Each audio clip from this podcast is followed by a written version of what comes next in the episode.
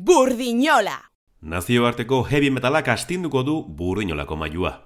2000 eta hogeita biko argitalpen ustaren errepasoa egiteko unea iritsi da.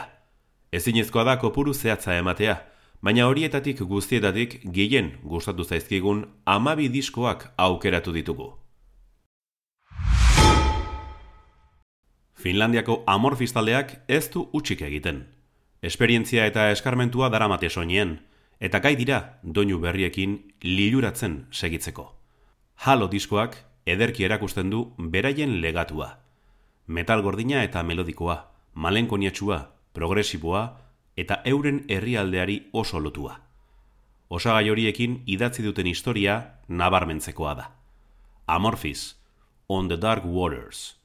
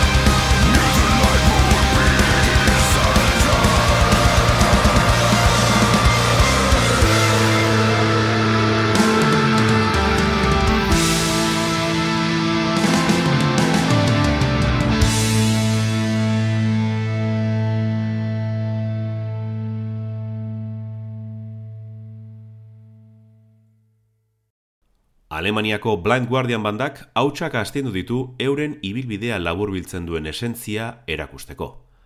Horren adibide da The God Machine lanberria. Astapenetan jorratu zuten speed metala eta metal sinfonikoaren artean landuriko guztiaren nahasketa aparta da.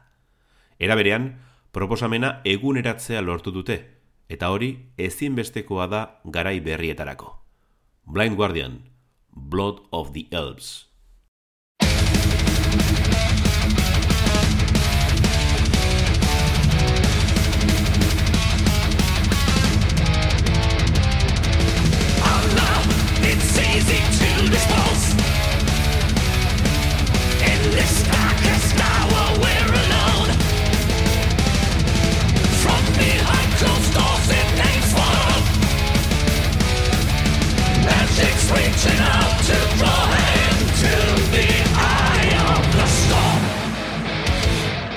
Stop!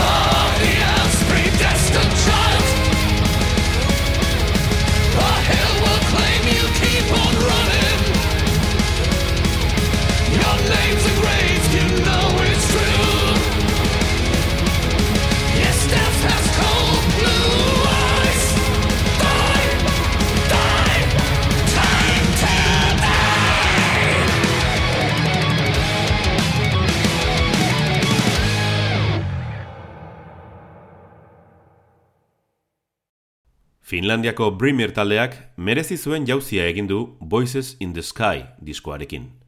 Urtetako sormen maila gero eta aberatsagoari esker iritsi dira metalzale gehiagoren gana. Horretarako erabili dituzten lanabesak aski ezagunak dira. Death metal melodikoa, folka eta izaera sinfonikoa. Orain erronka polita dute aurretik, irautea. Brimir, Voices in the Sky.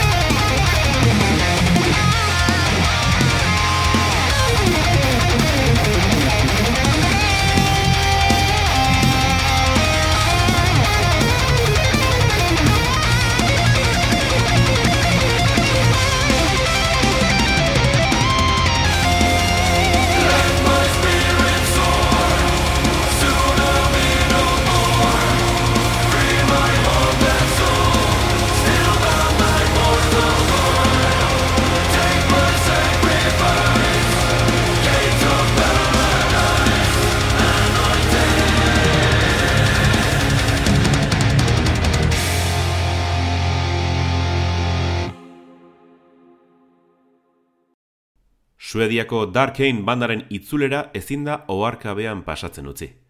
Ezkutuko ez ustekoetako bat da Inhuman Spirits disko borobila. Thrash Death melodikoarekin lortzen duten eraginkortasuna zoragarria da.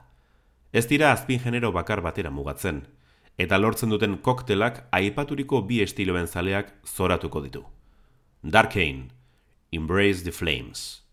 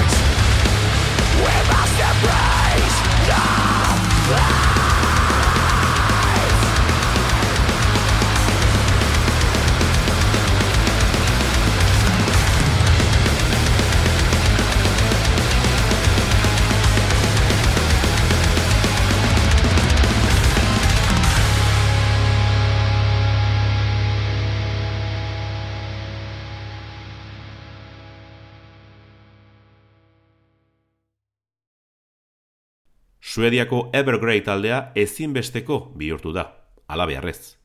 Bolada diskografikoa benetan harrigarria da eta horri gehitu behar diogu iaz Euskal Herrian emandako kontzertu ahaztezina. A Heardless Portrait, The Orphean Testament diskoa, ez dago aurreko bien maila gorenean, baina ezin da koska bat berago kokatu. Prog metal ilunaren erreferenteak dira. Evergrey, Save Us.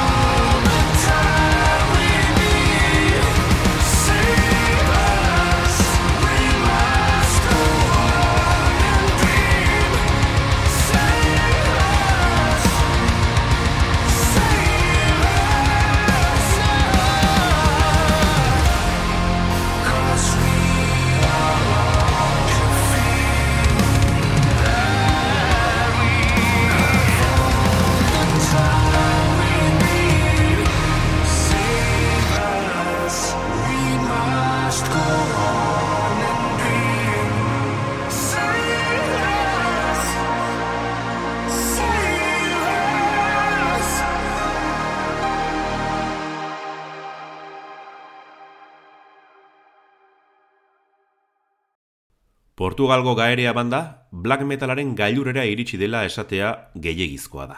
Dena dela, estilo makurari ateak eta leioak ireki dizkiotenen artean daudela ziurtatu genezake. Mirage, irugarren diskoa, erabakigarria izan da horretarako. Metal beltzaren sustraiak, erraiak eta evoluzio naturala uztartzeak saria dakar. Gaerea, Mantle.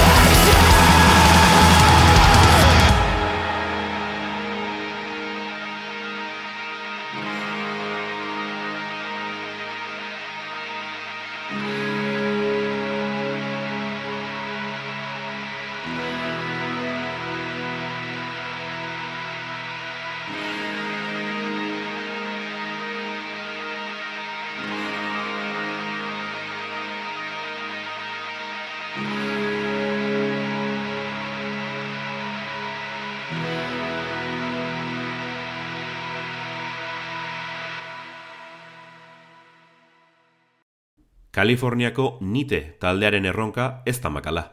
Horregatik, euren doinuak lehenengo aldiz entzutean belarriek diotena arraroa da. Heavy metal klasikoa black metal maindire batekin estaltzea modukoa da.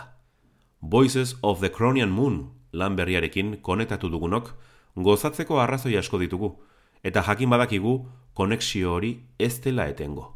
Nite, Akeron.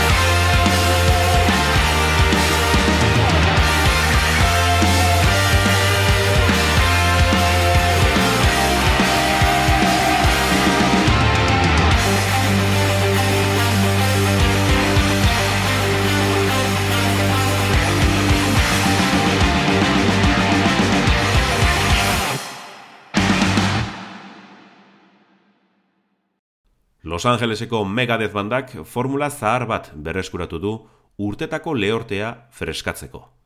The Sick, The Dying and The Dead lanberria ez dute zale guztiek txalotu, baina eman dezaketen maila ona erakusten du. Kide aldaketak aldaketa, Dave Mustaine nagusiak bide honetik darama amorruz eta zerotik abiatu zuen makina. Megadeth, Life in Hell.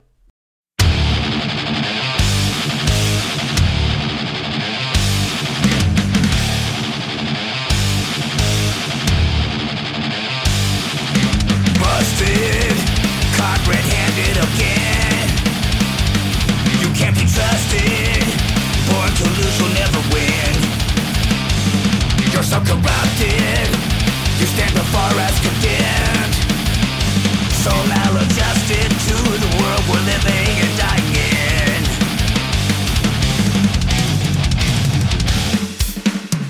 Spy versus spy, you never have friends you tonight.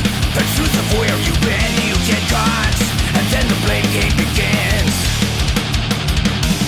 A couple drinks, and then you'll feel okay. A couple pills makes the world go away. What the hell?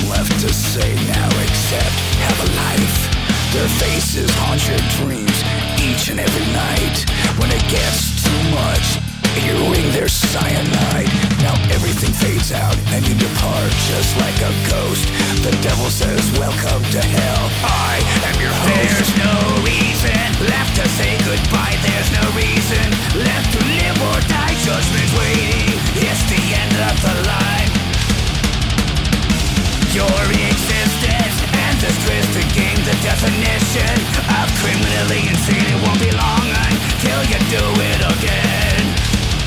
You'll see I'm a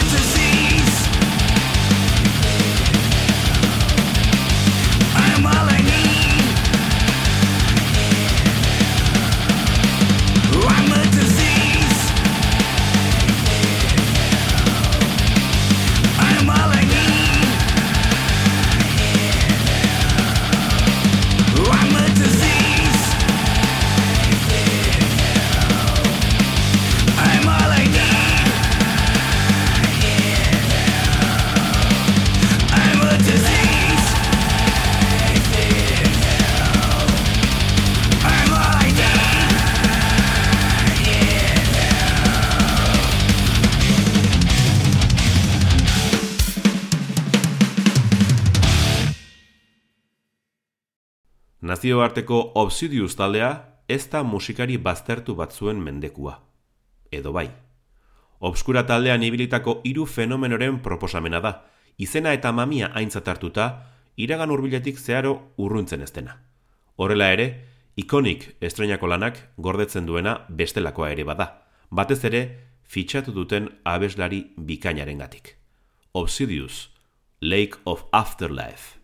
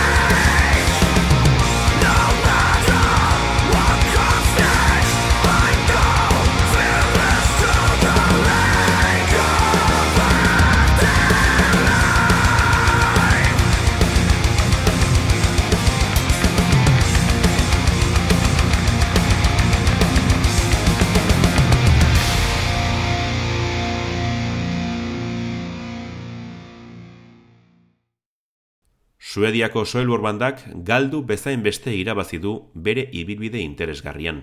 Eta testu inguru horretan kokatu behar da Overgiven Heten disko askatzailea. Mugari gabe sentitu eta sortu dute, eta horrek muturreko metalaren askotariko aldartetara eraman du taldea. David Anderson gitarista zenak utzitakoak urrearen balioa du. Soilwork, Dreams of Nowhere.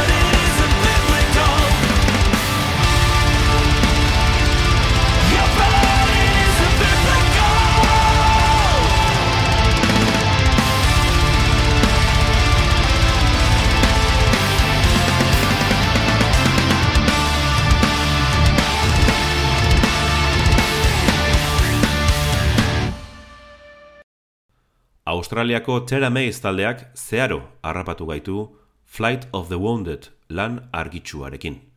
Progmetala modernizatzeko eta irisgarriago egiteko formula findu dute. Etiketa batzuek urrundu dezaketen entzulea hurbiltzeko gaitasuna izatea ez da nola nahikoa. Komposizio eta melodia ederrez josita dagoen arribitxia da. Terra Mays, Barrel.